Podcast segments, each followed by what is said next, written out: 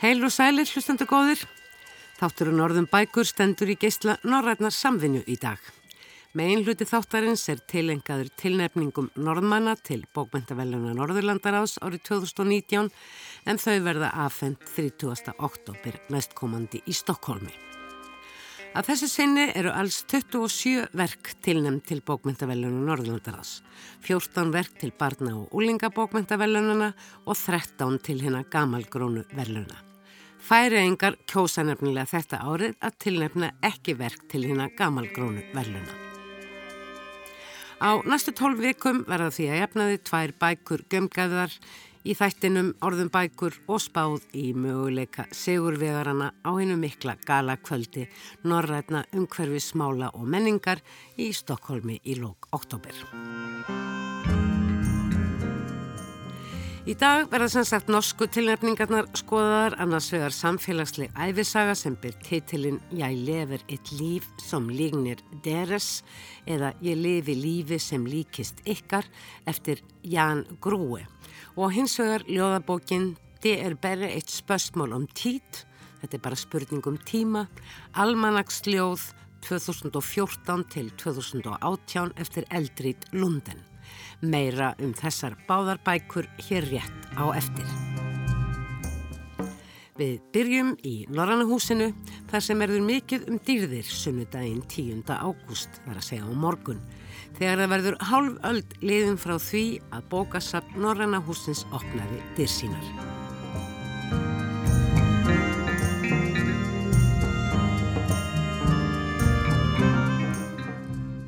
Margir muna öruglega eftir glæsilegri útiháttíði Norranna húsið þegar 50 ára ammæli þess var fagnar síðastliðið ár. Bókasafn Norrannahúsins sem er með fullir virðingu hjartahúsins fyrir þann sem hefur vanið komu sínar fangaði gegnum árin og jafnvel áratugina tók auðvitað virkan þátt í þessum hátíðahöldum. Nú er hins vegar komið að raunverulegu afmæli einmitt bókasapsins sem var ekki opnað fyrir en ári síðar eða árið 1969 og strax frá upphafi ætlaði að vera almenningsbókasapn með þeirri sérstöðu þó samanborið við önnur almenningsbókasapn á Íslandi að það er enga bók á íslensku að finna. Íslenskar bækur má þó finna í sapnunu en þá í þýðingum yfir á einhver hinna tungumáluna sem töluð er á Norðurlöndunum. Hvergi á Íslandi má finna annaðins úrval af norrannum bókum glæ nýjum jamt sem eldri. Þá er hér einnig að finna starsta sapn landsins af norrannum kvikmyndum á DFD-diskum til útláns sem og myndlist eftir norranna myndlistamenn í svo kalluðu artoteki. Bókasafnið í Norrannahúsin er einstaklega bjartur og fallegur staður með góðri aðstöðu til að setjast niður og glukka í bók eða eitthvað þeirra fjölmörgu dagblada og tímarita sem þar liggja frammi. Bregðum okkur í Vasmýrina í Norrannahúsin sem allra snöggvast. Góðan daginn, segið mér, það er ekki alltaf fullu að undirbúa aðmælið? Jújú, jú, það er stittist í stóra daginn hjá okkur. Og hvað verður um að vera í tilhörnum þessa dags? Heyrðu, við verum með fjölskyldu og batna á fjölskyldudag. Það verður töfrabröð, það verður hoppukastalar ef viðleifir. Það verður nú eitthvað nýtt ef viður leifir ekki þetta sömarið? Jú, jú, það, leif, það leifir það. Og það, já, það verður andlismálning og það verður hérna, sögustönd á, á tungumálunum sem við erum með, eða sem sagt sænsku, dansku, finsku, færisku, íslensku. Og norsku. Og norsku, við erum ekki að glemja norskunu, herregauð. og bara, og almennt bara mikið gleði. Við bjóðum upp á amalsköku og drikki hér í andrinu mm. og það verður bara mikið gaman. Og uh, þetta, uh, þetta er svona daldið mikið stílað upp á börnin. Þið gerir það almennt í starfinu hérna, er það ekki? Jú, við viljum fá og fá börninu, unga fólkið eins, mm. eins mikið og það er náttúrulega að fylgja fóröldrann með og öfugt svo sem en við erum alveg sjálflega skemmtilega aðstöð og góða aðstöð fyrir börn mjög mm. vinslast að koma hérna smábarnabörn fóröldrar koma mikið og svo fáum við leikskóla og, mm. og frísindaheimil í sögustundir Já þetta er vinsalt af leikskólum að koma í heimsókn í Norrannhúsið Þetta er, já, þetta er gangufæri fyrir marga og svo, og svo sem leikskólinni láta ekki stopp sig að þurfa að fara með strætó mm. borgar hlutan á milli til að koma til okkar Uh, og í þessum sögustundum uh, er, er þá lesið fyrir börnin og þau, kyn, þau kynnt fyrir, fyrir bókasafninu sem slíku? Já, aðalega, jú, jú, jú, og það er lesið, það er alltaf búið að velja fyrirfram sögu og um telma barnabókavarður heldur alveg utanum það. Þau og yfirleitt eru þá myndir með á tjaldi mm. Mm. og svo er þetta leika sér með sögunar. En svo eru við líka með sögustundir fyrir uh, á norrannu tungumálunum fyrir börn sem að uh, eiga sér þau tungumála, móðurmáli að einhverju leiti. Já, það er reglulega. Allan, allan veturinn. Þá eru hérna koma aðlar og eru með sögustund og svona sögu og leikastund. Mm. Það svona jafna einsin í mánu hvert tungumál. Þá er ég að tala um stóru, stóru málinn. Já. En, eh, og þetta er vinsælt? Mjög vinsælt. Það er svona upp og ofan hvað kannski sögustundunar þessar fyrir hintungumálun eru en það er alltaf góð aðsók. Mm. Þó við viljum náttúrulega alltaf, mikill hlut alltaf meira, er það ekki? það er bara þannig. Uh, má ég spyrja þig að nafni? Ég heiti Ragnar Marja. Og þú ert, hvað, einhvers konar mótökustjóri hér? Nei, ég er bókasaps og upplýsingafræðing. Þú ert bókasaps og upplýsingafræðing og við skulum halda því til haga. Takk fyrir. Takk fyrir kærlega. Takk. Og Erling Kerbo, þú ert nýlega til þess að gera ráðin yfirbókavörður hér í Norrannahúsinu. Þú kemur frá Færiðum og ert í óða önn að læra íslensku en uh, við skulum nú samt halda okkur við það tungumál sem við tvö skiljum einna best hjá hvort öðru ef við getum bara að tala saman á dönsku. Já, eller förkan. Nej, það gengur ekki hjá mér. Okay. Varför eh, intresserade du dig till att bli bibliotekar här uppe i Ísland í nordisk? Ég byrjaði á því að spilja Erling Kerbo nýjan yfirbókavörð Norranna húsins. Hvers vegna hann hefði sóst eftir þessu starfi? Færi í er í því... Erling segir Ísland mjög spennandi fyrir bókasafsfólk. Hér er ekki mikil virðing fyrir bókasöfnum og svo er þetta henn langa saga bókmenta á Íslandi. Hann hefði ekki þurft að hugsa sig lengi um og sé mjög ánaður hér. Øh, så da jeg fik muligheden for at komme herop, øh, så takker jeg selvfølgelig ja med det samme, og jeg er rigtig glad øh, for at være her. Þá sagði Erling að það hefði konun um óvart hversu mörg bókasöfn væri i Reykjavík. Ekki síst hvað væri mörg minnilhuta bókasöfn? Altså det første, jeg blev ret overrasket over, det er, hvor mange biblioteker der er på Island, fordi det er jo helt, altså der er rigtig mange, bare i Reykjavík er der utrolig mange, og så er der mange forskellige minoritetsbiblioteker. Og að bókasöfn Norranna húsins lánaði lík út myndlist hefði komið honum á óvart. Hún þætti það þó spennandi og óvinnilegt. Þótt hér gerðu það fleiri samanber Artotek borgarbókarsapsins. De har også et Artotek, mm. og bare det koncept er utrolig interessant og spændende, og der er jo også hørt om værktøjs, hvad hedder det, biblioteker og alt, så det er et rigtig spændende sted at være bibliotekar, synes jeg. Elin Kerbó segði mér einnig að sapnáratna kveikmynda sem hægt voru að fá lánaðar í Norrannhúsum væri ekki aðeins það starsta á Íslandi, heldur væri hverki eins margar norranna kveikmyndir aðgengilegur og einmitt á bókasafni Norrannhúsins og þær hafa verið afar vinsælar. Um 10.000 útlána árið þótt eitthvað hafa dreyið úr því. Á síðasta árið voru útlánum til að mynda aðeins 2500. Altså det som, ja, med DVD-filmen specielt har vi jo haft utrolig højt udlån. Vi har haft en af de største DVD, nordiske DVD-samlinger. Øh, og vi havde jo ja, 10.000 udlån om året af DVD-film for bare nogle få år til siden. Uh, nej, for nogle få år siden, og nu er udlånet uh, gået ned til omkring 2500 DVD-film om året eller deromkring. Mm. Og vi kæmper jo med streamingtjenester som Netflix og alt andet. Já, DVD-diskurinn er vist á undanhaldi og svo er það auðvitað streymisveiturnar allar. Ellen Kerbo minnir hins vegar á að aðeins brota-brota þessum norrannum kveikmyndum séu aðgengilegar á þessum veitum. Aðspurur hvort ekki þurfa aðlega tæknina, svarar hann játandi. Um leið og hann viðkennir að það sé erfitt og þurfi margvíslega samninga við rétthafa. Det er utrolig svært at uh, få rettigheder for eksempel til at uh, de danske biblioteker har noget, der hedder Filmstriben, Øh, hvor man kan lege film, som altså, med et bibliotekskort er det gratis. Men det kan man ikke få her i Island på grund af ophavsretsmæssige ting. Uh, og det, det er sådan nogle ting, vi arbejder med nu, og prøver at få de her nordiske streamingtjenester til Island, hvilket ja, har vist sig at være utrolig svært. Og så er það rafræn útlán sem heldur er ekki komin almennilega í gagnið á bókasafni Norrannahúsinu fyrir utan og sænskum bókum. Líklega er sérstæða bókasaps Norrannahúsins líka erfittir að hengja það við almenn mótel í einstökum löndum.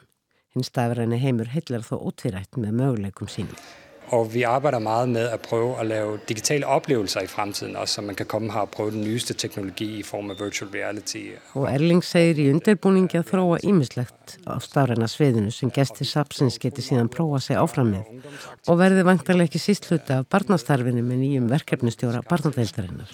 Her har vi rigtig mange spændende arrangementer, øh, og selvfølgelig vil digitaliseringen og, og, og den nye teknologi komme til at fylde meget i de næste mm to-tre år regnar við með. En svo algengt er með bókasöfn, þá er bókasöfnið í Norrannahúsin ekki lengur staður þar sem aðeins eru lánaður út bækur heldur ekki síður staður þar sem fólki líður vel, fullortum jæmt sem börnum við margskonar yðju. Ja, vi er jo først og fremmest et bibliotek, så det er jo ikke kun, at vi skal udlåne. Vi skal også være et værested, hvor det er godt at komme hen med din familie, eller hvis du vil have et sted at læse, eller hvis uh, børnene har brug for et sted at lege. Bókasafnið er jú hluti á Norrannahúsinu þar sem framfara um það byrj 400 viðblörðir af öllum tegundum og sortum áriðum kring.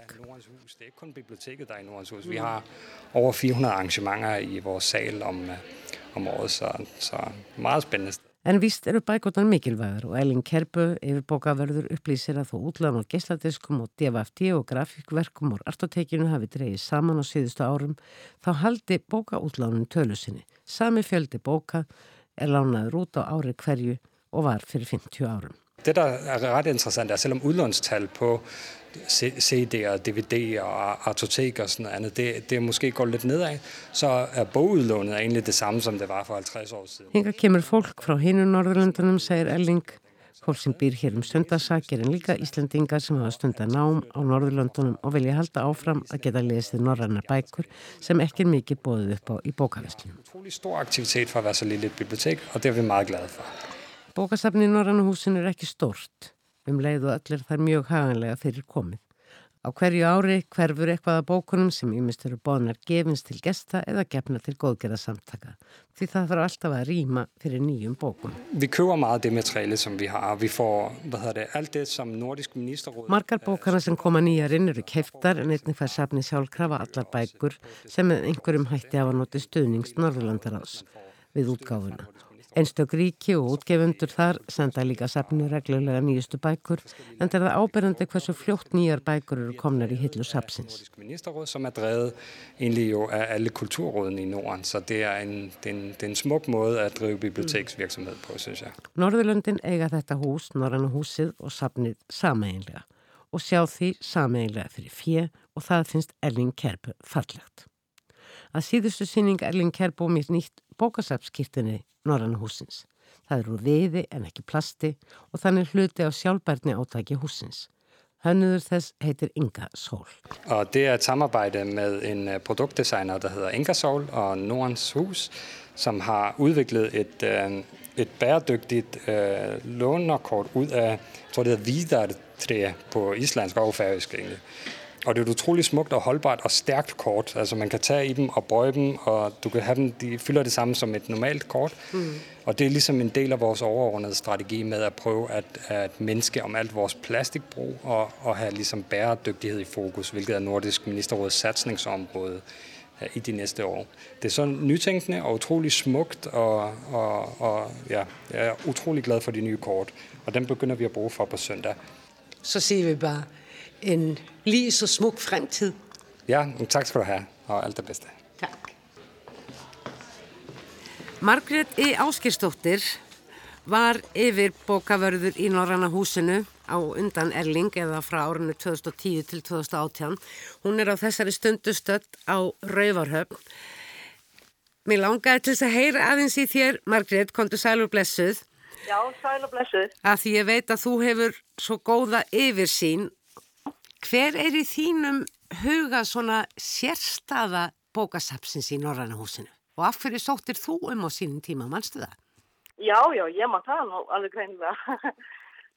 Sérstaða bókasapsins í Norræna húsinu, þetta er náttúrulega, þetta er almjölsbókasapn eins og mörgunar almjölsbókasapn á Íslandi, Íslandi. En það sem að náttúrulega greinir þetta svolítið frá öðrum söpnum, það eru tungumálinn. Það er ekki íslenska bækur en það eru sjö norræn tungumál í þessu sapni og íslenska bókmyndir er samt að finna í sapninu en þær eru á norrannu tungumálunum. Og þetta sapn er sem sagt, uh, hluturk þessi er að, veita aðganga norrannum bókmyndum og þar að leiðandi líka norrannum tungumálum sem að mér er mjög ofal í hug og þykir mjög mikilvægt að fólk hafa aðganga. Og svo er náttúrulega húsi sem að, að þetta bókasafn er í. Það er náttúrulega líka sérstatt og, og mörg bókasafn á Íslandi e, e, séu mjög flottu og vönduðu húsna og góðum stöðum. Þá er þetta náttúrulega norrann og húsið og, og teiknað af alvar alltaf og hennum fræða finska arkitekt. En ástæða þessa, því að þetta var nú svona önnur spurning sem spurði mig líka okkur ég sótt um, Ég var náttúrulega búin að vera leikið fókstum ára selfósi en ég hef alltaf haft uh, svona, hvað maður segja, taugar til norrann samstans og þegar þetta var auglýst og þá náttúrulega bara hugsaði með mér, já, ég kannski tím til konu að breyta til og, og bara prófa að segjum og, og ég fekk starfið og henn nöyð bara hverja mínútu sem að ég var í norrannhúsinu. Áttu einhverju ósk til handa þessu hálfur ára gamla ammælisbarni? óskin er náttúrulega bara svo að bókasafni fá að starfa áfram í þeirri mynd sem það er en einni að fá tækifæri til að þróa sig áfram eins og það eru mikla breytingar á bókasafnum í dag og ég held að bókasafni í Norðnhúsinu uh, getur þróast áfram og það er mikil skilningu með það og eins og í þessu bókasafni er líka arstotek til dæmis. Og, og þetta er í þessu menningarhúsu og þetta svona, verður oft svona svolítið lifandi bókasafn. Mér finnst til dæmis mjög mikilvægt að þetta sé áfram þessi staður sem veitir aðgang á þessu norrönu tungumálum. Meina það er líka grunnur á norrönu samstarfi. Og, og ég veit að þetta sapna á þetta að þróast en það er allavega mín heitast óska það verður og ég með því fólki sem er þar í dag og, og, og þessum nýja yfirmann og meðling þá veit ég að það gerist. Það hefur verið að gera svo marga skemmtilega hluti. Þátturinn Orðum Bækur tekur undir allar góðar óskir til bókasapsins í Norrannahúsinu á 50 ára afmælinu kökur, kæti og leikir á sunnudaginn og bækur og blöð alla daga.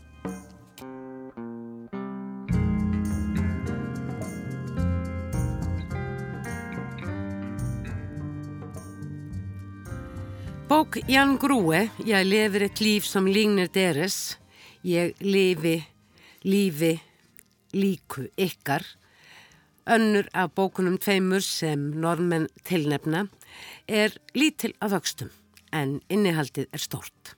Tekstin er léttleikand en um leið hnittmiðaður og á stundum er heimsbyggileg nálgunin eilitið flókin. Hér er á ferðinu nokkuð óvinnilegt bókarkorn, blanda af sjálfsæfisögulegum minningum og margvíslegum, heimsbyggilegum, félagslegum og siðferðislegum hugleðingum. Og allt ber þetta undir titilin Levnets beskrífelsi sem sangant norsk-íslenskru orðabók þýðir einfallega æfisaga. Saga æfi Jan Grúi er þó ekki öll þar sem hún er séð, þótt venjulegt ágrip hennar hljóði líkt og svo mörg slík. Jan Grúi er 38 ára gammal, hann namn málvísindi og doktoreraði frá háskólanum í Óslo á því siði árið 2011.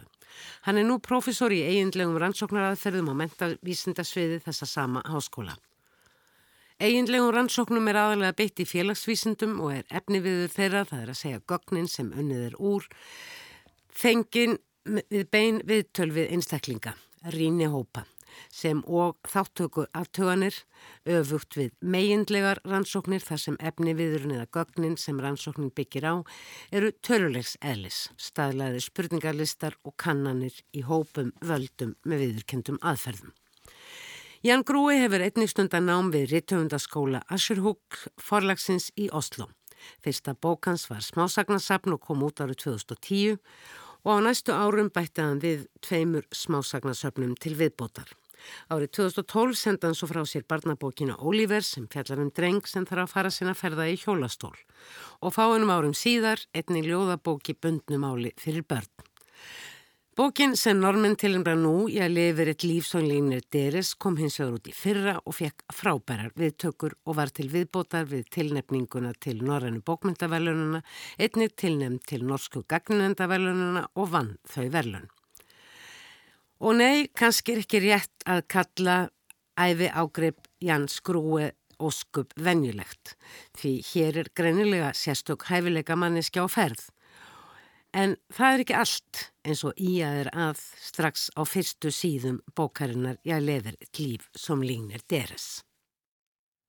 Alltaf öðru kvoru hitti ég fólk sem ég þekkti sem barn en byggust ekki við að hitta mig sem fullorðin. Almenn kurteysi gerir venjulega verkum að fólk felur undrun sína á því að sjá mig.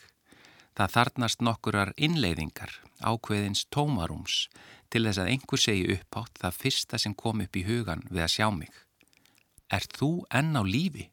Hér fylgir lítil dæmisag og lífi höfundar þegar hann hittir lífsleikni kennara sinn sem orðin er sérfræðingur í norrætni góðafræði og hann sjálfur að verða doktor í málvísindum sem kennaranum kemur ekki á óvart. Hún var hins vegar undrand á því hvað ég leit vel út.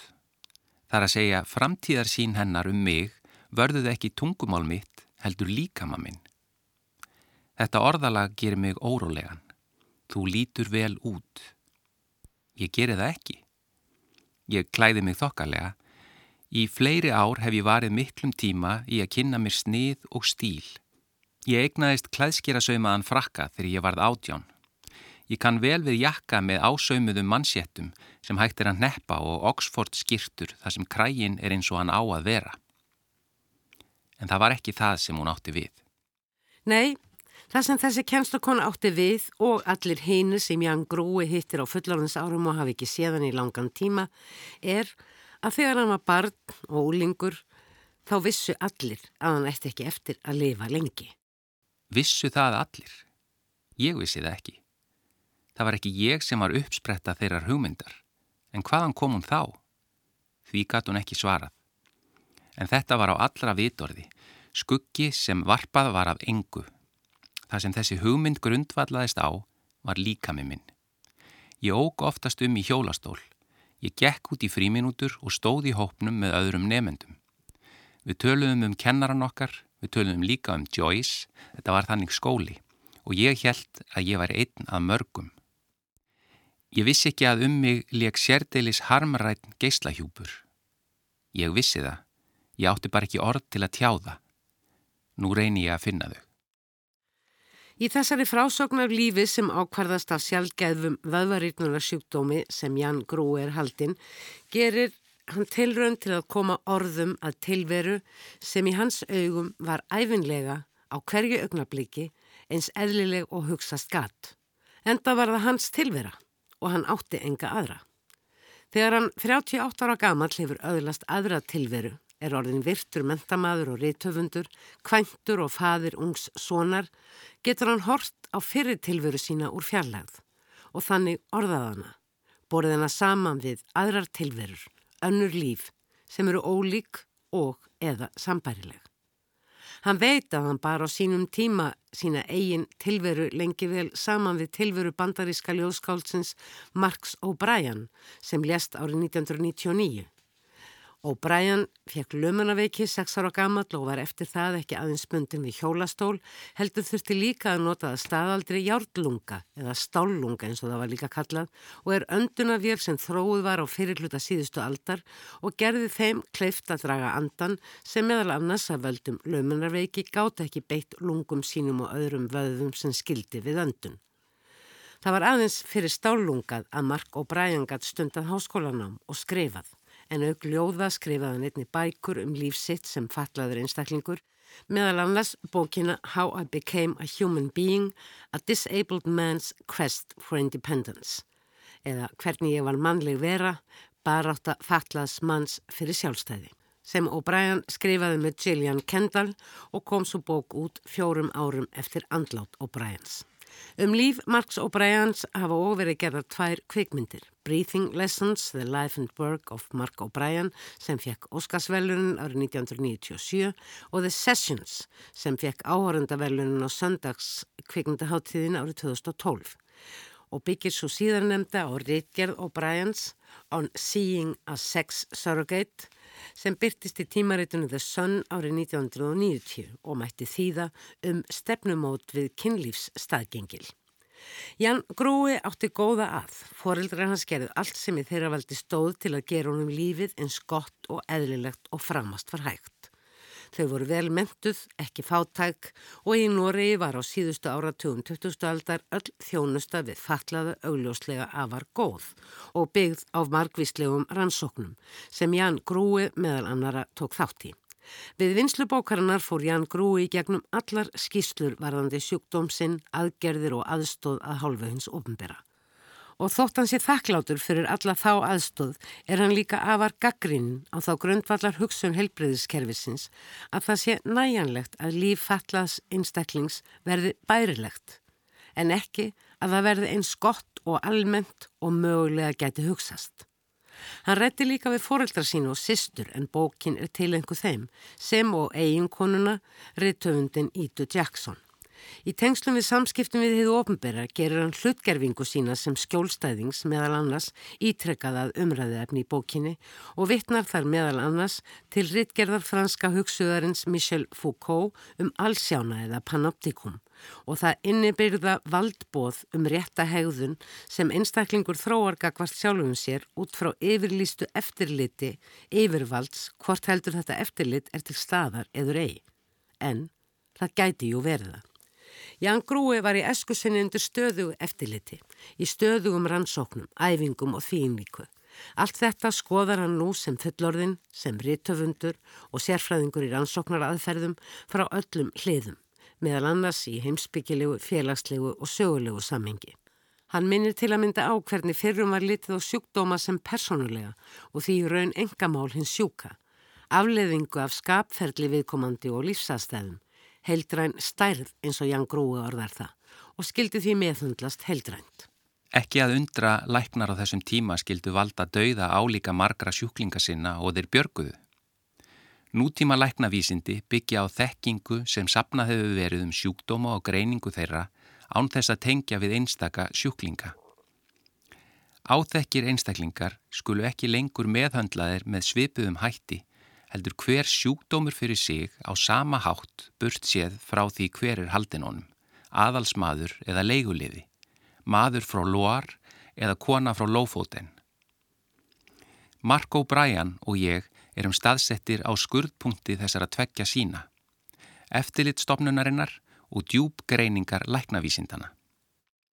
Er það skrítið að okkur skildi snemma lærast að fyrirlíta líkam okkar, svo veikbyggða og viðkvæma? Það sem er greint og formað í orð ítir því sem ekki er gefið nafn í burtu, en það hættir ekki að vera til fyrir því. Það er erfitt að verða manneskja undir eftirliti stopnana, því það sem stopnunin ekki sér og skilgreinir er ekki viðukent að sé til. Og það er svo margt sem er ósýnilegt og óorðað þegar líkamleg föllin er annars vegar. Önggoturnar, glápið, Styrringen er norska orðið sem Jan Grói notar og sínir fram á hvernig glápið elur á innra eftirlit og aðgátt þess sem gláft er á, þannig að viðkomandi leitast við að gefa sem minsta ástæðu til að stara sér á hann og annar leiki hans þannig undistrykkaður, veikleikar hans og líti. Ekkert er orðað og þar með er það ekki til, en samt er það til og það kallar fram viðbröð. Ekki bein viðbröð, heldur hann oftar en ekki viðbröð sem koma fram í allt öðru samhengi. Jan Grúi segir frá þáttöku sinni í pattborði þar sem rætt var um kvikmynd Todd Brownings frá árun 1932, Freaks, sem meðal annars mun innihalda senu um sirkusfólk, vannskapninga og dverga. Og þessi frekar fráhrindandi hópur nefnir að mati Jans Grúi hlutina með martraðarkendum skýrleika. Gúbl, gúbl, gúbl, gúbl, einn af okkur, einn af okkur.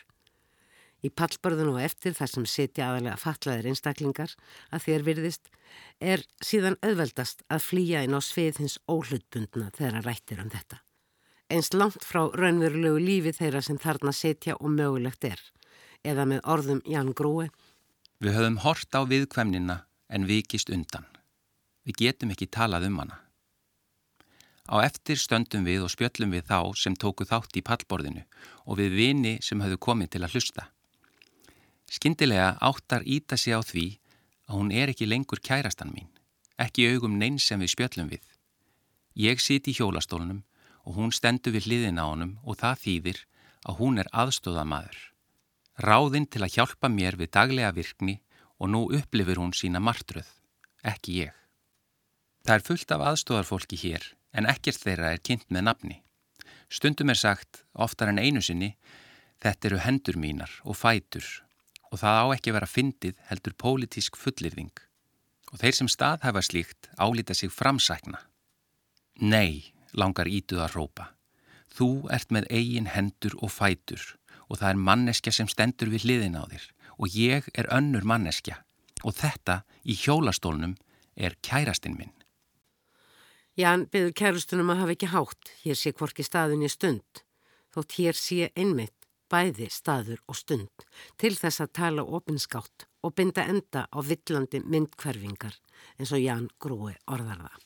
Hér eru manneskjur sem þarnast hjálpar og sem fá hana eins og ég hef alltaf fengið hjálp frá hjálparapparatinu en á ákveðnum forsendum sem útiloka tilfinningar sem aðeins taka mið af hvað sér nöðsynlegt og næjanlegt. Hendur og fætur verða að myndkverfingu í samræmi við afstöðu apparatsins. Staðgengils myndkverfing, myndkverfing þess að eitthvað komi í staðin fyrir eitthvað en sé aldrei það sem upprunalega átti að vera. Staðgengils fæturnir ganga yfir gólfið. Staðgengils hendurnar taka upp dagbladið. Staðgengils félagin veitir nánd sem kemur í staðin fyrir raunverulega nánd. Það er þetta með hugveruna sem í ofangröndu tilviki er undurskipuð henni stopnarlegu sín, segir Jan Grúi og vísar einu sinni sem oftar í Michel Foucault og minnur um leið á að hér er ekkert viðfang. Hugveran skapar sína eigin sögu, hún framkvæmur og lærir að trúa að hún sjálf stjórni aðgerðum sem leiðir til óskoraðrar ábyrðar á aðstæðunum, ánþess, í þessu tilviki, að fá nokkru um þær ráðið. Að undirskipa hugveruna er skipun um að axla ábyrð án þess að hafa tekið ákvörðun þar að lútandi sem að endingu leiðir til innibyrðar sektar sem verður að skömm. Skömm af sjálfum sér vegna þess að maður þarnast hjálpar en getur aðeins með þessari hjálp verið virkur í samfélagi sínu og annara. Og skömmin brist fram með einhverjum hætti eins og að Jan Grúi íhjóður í bóksinni. Í hverju getur andstaðan falist öðru en því að reyna að undirskipa einhvern annan, smætta aðra mannesku niður í líkamsparta, hendur og fætur til stóðhlutverks. Ég þekki þessa orðræðu, ég skil hana, en með hverju árunu sem líður verður hún með meira framandi. Með skrifum bókarinnar Ég lefur eitt líf sem lígnir deres gerir Ján Grúi að verkefni sínu að skapa aðra orðræðu, annar tungumál, tungutak, tungutak sem ekki byggja á því að ná því minnst mögulega og fá eitthvað í staðin fyrir það sem ekki er. Það sem Jan Grúi fer fram á er einfardlega lífið, hans eigin líf sem sannarlega er ekki það líf sem lístir í öllum skýrslunum sem mynda fjallháa bunga í kringum hann þar sem hann situr við skriftir.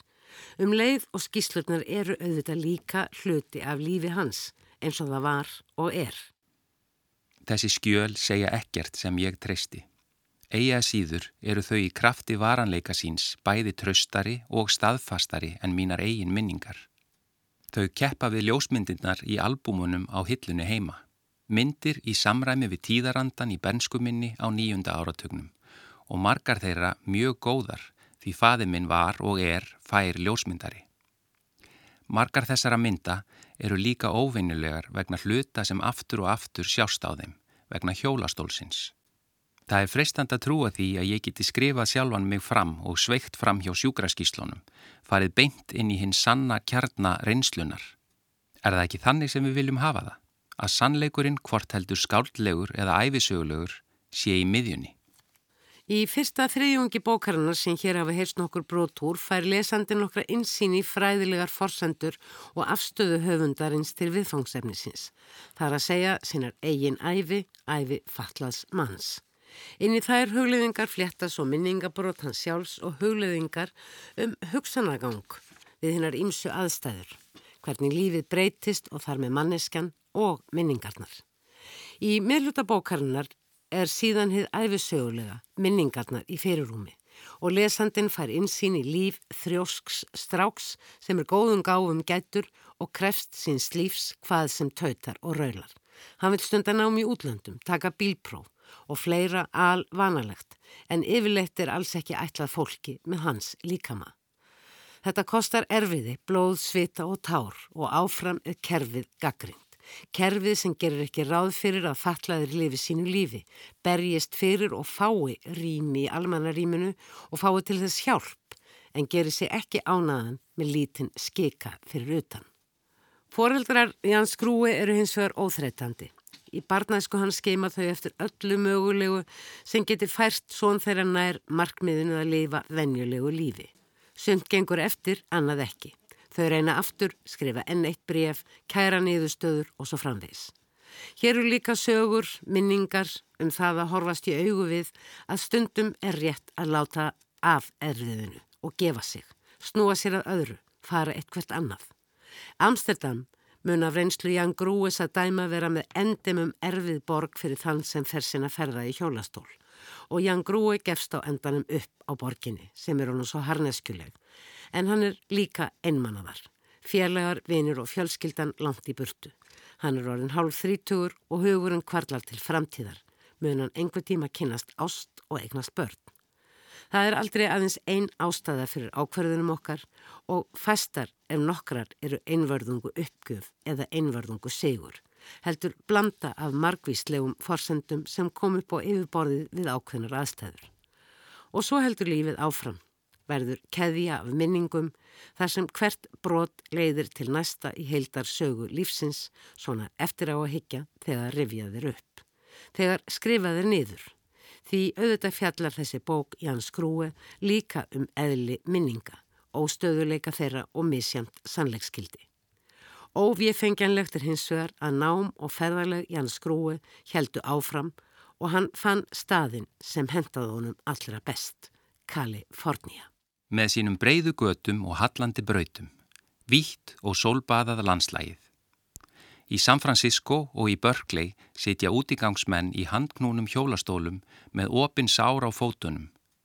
Sýningarsalir, veitingahús og háskólabyggingarnar með gott aðgengi eru ekki fyrir þá, heldur bara fyrir mig með naflastreng sem festir mig við velferðaríkið og enn hefur ekki verið skorið á og Ján Grúi tiltekur fjölmörg dæmum sjálfans í bensku á æsku árum sem og auðvitað á fullorins árum og líkur frásöksinni og hugleðingum mitt í sínu nýjasta lífi, lífi með fjölskyldu og sinunum Alexander sem var kveikjan að skrifum bókarinnar ég lefur eitt líf sem lígnir deres en er þó sannarlega eins og lesandin hefur komist að raunum allt öðruvísi líf en það sem er flest lifum. Þetta er líf sem krefst margvíslegar þjálfunar og mjög nákvæmra áallana um nánast hverja aðtöfn og áform.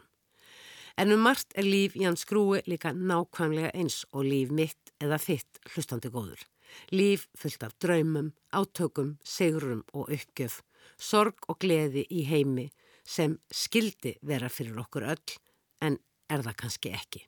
Ég er farin að sjá heiminn eins og hann er vegna þess að ég er farin að sjá hversu stór hluti hans er ekki ætlaður mér, ekki mínum líkum.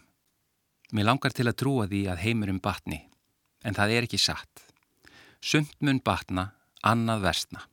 Þetta er ekki heimur sem nokkur sinna á eftir að umfaðma allar manneskjur. Ekki heimur þar sem nokkur sinni verður rými fyrir alla. En þetta er ekki óumbreytanlegur heimur. Hann gefur eftir við þrýsting. Það er sprungur að finna í tilverunni. Engin spurning að Ján Grúi hefur með Ég lifir eitt líf sem lífnir deres skrifað mikilvæga bók fyrir velferðarsamfélag okkar. Mikilvæga bók fyrir okkur sem spyrjum aldrei hvort rými sé fyrir okkur í þessu samfélagi meðal allra hinna. Sem og fyrir þá sem af allskins orsökum spyrja þeirra spurningar.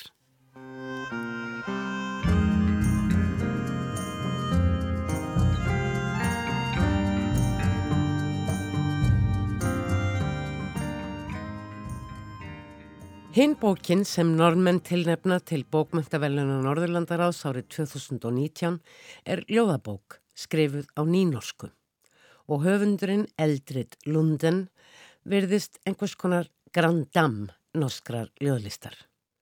Eldrid er fætt árið 1940 og sendi frá sér sína fyrstu ljóðabók árið 1968. En bókin sem nú er tilnefnd, det er bara eitt spörsmál om tít, það er bara spurningum tíma, er hennar 15. ljóðabók, auk þess sem hún hefur sendt frá sér þrjár bækur með rítgerðum eða essayum. Eldrið virðist aðalega hafa unnið fyrir sér sem kennari og varð árið 1982 fyrst til að taka við profesorstöðu í reitlist við Norskan háskóla og gengdu hún því starfi við háskólinni Telemark þar til fyrir fimm árum. Hún er því í dag profesor emeritus. Sem ungljóðskáld var hún tengd norska bókmentatímaritinu Profíl. Háskólatímarit um bókmentir gefið út af háskólanum í Oslo og sem varð um miðjan sjönda áratug síðustu aldar helsti vettvangur endur nýjunar mótenískra ljóðlistari í Noregi um nokkur ára skeið. Margir þeirra höfunda sem tengdust tímaritinu Profíl gerðust upp úr árunnu 1970 að var vinstri sinnaður og þeirrar trúar að bókmentirnar hefðu hlutverki að gegna í því samhengi sem leiti til átaka um efni þessa mikilvæga tímaritsprófíl sem vettvangs fyrir tilröðnakendar bókmentir og hætti tímaritið á endanum að koma út. Tímariti prófíl var svo endurist um skamma hríðum miðjan nýjunda ára í kjölfar nýra ströyma í bókmentafræðum. Nú verðist það hins vegar aftur orðið háskólaritt og sviði sagfræði og heimsbyggi. Þótt Eldrit Lunden hafi á sínum tíma tengst þessu tímariti prófíl sem greinilega var prófíl afar líflegra tíma í norskum bókmentum og átaka ólíkra ströyma, er ekki annað að sjá í yfirlitsgreinum um verkennar en að hún hafi æfinlega verið trú óræðu eðli ljóðlistarinnar og tilraunum til að fanga með tungumálinu mótsagnakendan raunveruleika á mjög persónulegan hátt. Svo bók sem nú er tilnemd er að minnstakosti í þeim anda. Ljóðabókin, það eða þetta er aðeins spurningum tíma, ber undir titilin Kalenderdikt 2014 til 2018. Ég þýtti þetta í upphafið þáttar sem almanagsljóð og það má vissulega til sannsvegar færa. Í umfjöllunum um bókin er hins vegar talað um dagbókarljóð sem séu sjálfséð bókmyndagrein. Í raun skiptir kannski ekki máli hvernig orðið er þýtt en augljóslega er vísað til ljóða sem tengjast dögum eða öðrum einingum sem almannak byggir á, vikum, mánuðum, jafnvel árum. Í undirtittli bókar Eldrítar er vísað til árana 2014 til 2018. Bókin skiptist í sex kabla og fjallast á fyrsti levandi borti, levandi horfin, um dauða einhvers sem ljómælanda stendur nærri. Síðasti kaplin heitir svo Nóen dagar för eða nokkrum dögum fyrr og fjallar hann um aðdraganda fráfats, veikindi og sjúkrahúsvist. Þetta eru sterkljóð, knöpp með skýrum myndum í afar fáum orðum. Engum í fyrsta kaplanum þar sem spurtur um sorg og söknuð, ást og fegurð. Vakker klokke, din sång. Dine nesten umerkelige farvel. Døden er et blikt ansikt. Døden er et vakkert ansikte som fjerner seg. Fallegu klukka þinn söngur. Þínar næstum ómerkjanlegu kveðjur. Dauðin er fallt andlit, dauðin er fallegt andlit sem fjarlægist. Fá orð, einföld en sterk, mikil saga. Heilt lífjafðel sem er ekki lengur. Klukka sem klingir, klukka sem glimur, hverjum, klukka sem mælir tíma.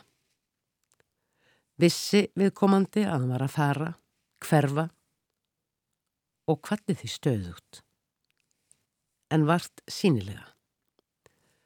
Dauðanum vikt andlitið föllt, óljóst, fallegt andlit sem fjarlægist. Í öðru ljóðu er söknuðurinn og sorgin í fyrirrúmi. Dauðin er sagður staður sem við eigum fyrir óta okkar við að missa. Dauðin fær okkur til að gráta og gráta, endalöst. Hið ótakmarkaði sjálfu sér er engra tára virði, segir í miðju þessa ljós og síðan skal hörku beitt. Þurkaðu tárin og fyndu nýjan mann til að verða ástfangin af, er krafan. Höfð eftir rómverska skáldinu Seneca þeim yngra sem einni muni hafa sagt að sá sem sirki allt og þungt óttist að sirki ekki nóg og að sá sem elski bara einamannisku hafi elskað viðkomandi lítið.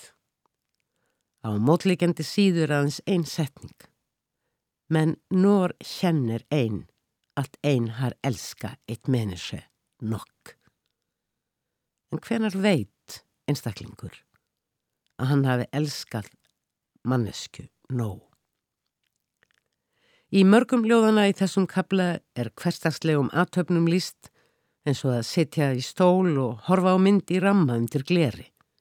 Í glerinu speklast mótlíkjandi gluggi með glugatjöldum. Skindilega hreyfist glugatjaldið líkt og ósýnileg hönd hafi hreyft við því. Hugsanir koma og fara. Minningar, sögur eru rifjaðar upp. Staðrendir eins og að á hverri sekundu degi miljón frumur í líkamannum. Það er nöðsynlegt. Fólk getur dáið af of litlum frumudauða. Dauðin er með öðrum orðum nöðsynlegur. Ljóðin í síðasta kaplabókarinnar, Nóen dagar för, nokkrum dögum fyrr, eru orti í sama knappa stilnum og ljóðin í fyrsta kapla. Skarpar myndir úr fáum orðum. Blómin á vorin eru hvít eins og vorið. Kuldaleg eins og vorið. Og svo þetta? Sjöndi sans, 18. mæ 2014. Bílferð til Gaustablík. Undursamlega fagurt útsinnið á Jöstatindin. Og enn eitt, þú komst hljóðlaust upp að baki mér. Þú setur við skrifborðið fyrir framann mig. Þú lítur ekki upp. Ég get enn fundið nærveru þína, eldingu sem ekki verður skilin frá myrkri. Og síðasta ljóð þessa kabla og þar með bókarinnar allrar hljóðar nokkurt megin svona. Náttúran býr yfir hæfni til að lækna sjálfa sig. Gast þú stundum sagt. Það er orðin tvö ár síðan þú forst og Ég hef öðlast þunna sára himnu yfir söknuðin.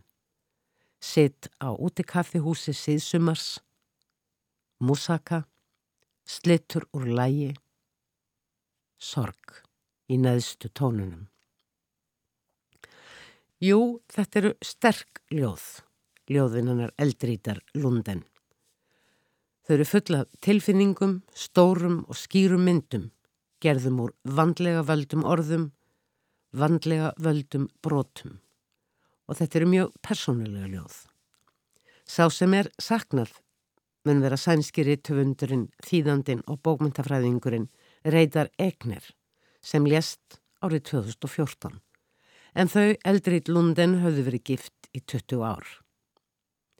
Fyrsti og síðasti kapli bókarinnar mynda líkt á ramma eða allir heldur ring utanum hína kaplana fjóra sem bera mismunandi yfirskriftir. Nature Looking into Nature sem er tilvittnun í Henry William Thoreau er yfirskrift annars kabla. Það er skiptast á stittri ljóð, ein lína, stundum tvær, jafnvel fjórar, en líka lengri ljóð. Það sem gerðnan koma fyrir aðtiklisverðar setningar þekktra reytöfunda og hugsuða. Yfir höfuð koma ymsar hugsanir og hendingar frá þekktum einstaklingum oft fyrir í ljóðunum og er þess skilmerkilega getið í aðtöðasemdum aftanvið. Í þessum kaplir að finna myndir sem minna jafnvel á kyrralífsmyndir en miðla undirleikjandi átökum, þversögnum. Það er eitthvað að óttast. Hér eru bæði dýr og manneskjur. Ótti er líka undirleikjandi í þreyðakaplanum, tabu og í kaplanum konsekvensanalýse afleðingagreining. Í síðastnæmdakablanum eru hugleðingar um konur áberandi. Til hvers var barist ef mótivasjónum fyrir vinnunni er ekki lengur til staðar? Hver er munurinn á domgreindarleysi Rambós í ástum og domgreindarleysi unglingsanspænis nektarmyndum á netinu? Í ljóðinu er reyndar talað um skort á konsekvensanalýse. Nest síðasti kaplinn ber sama titil og bókin. Þetta er bara spurning um tíma. Sami söknuður er til staðar í öllum þessum fjórum köplum. Ljóðmælandi minnist samtala sem áttu sér stað eða spretta fram núna. Spora í sand sem ekki eru lengur sínileg. Og söknuðurinn og sorgin vegna þessa eina sem ekki lengur er tegir sig inn á önnur svið. Kallar augljóslega fram áhyggjur af ástandinu. Ástandi samfélagsins, ástandi náttúrunar, líðan manneskunar. Þrátt fyrir söknuðin er hér engin nostalgí á ferð, ekki einu sinni eftir sjá. Hér er yfirborðið skoða til þess að djúpið megi opnast. Og það gerir það. En hvað er að sjá? Stundum þetta og stundum hitt. Stundum eitthvað sem er satt, stundum eitthvað sem er banalt. Það fer eftir því hver les og hvenar. Góð ljóð hafa ekki markmið eða yfirlýstan tilgang. Þau eru skinnjun og til þess ætlið að vera skinnjuð. Meðtekinn eða látin líkja. Hýrt síðar eða ekki. En á aftur skal hér undirstrykað að ljóð eldrítar lunden eru sterk og áhrifarík. Sum meira, önnur minna.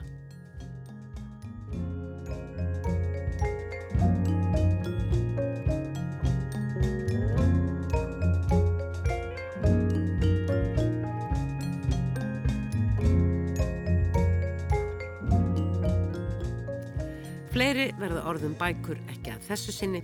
Takk fyrir að hlusta. Verðið sæl.